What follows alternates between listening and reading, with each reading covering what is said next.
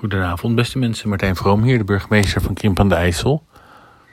Deze column volgens Vroom die gaat over piekbuien en droogte. Ja, inmiddels heeft u het ook ervaren, hè, denk ik zo. De ene keer regent het keihard. De volgende dagen is het gordroog en heet. De tuin heeft er last van, de boer ook. Palen onder best veel woningen ook. Te lage grondwaterstand geeft paalrot. Als het te hard regent is het water ook alweer weg. Voordat het netjes de bodem ingezakt is, dan spoelt het zo, hup, als regenwater de rivier in of de sloot. En dan zijn we het dus ter plekke kwijt. Ja, vroeger was dat niet zo erg, omdat het volgende buikje zich dan alweer aandiende.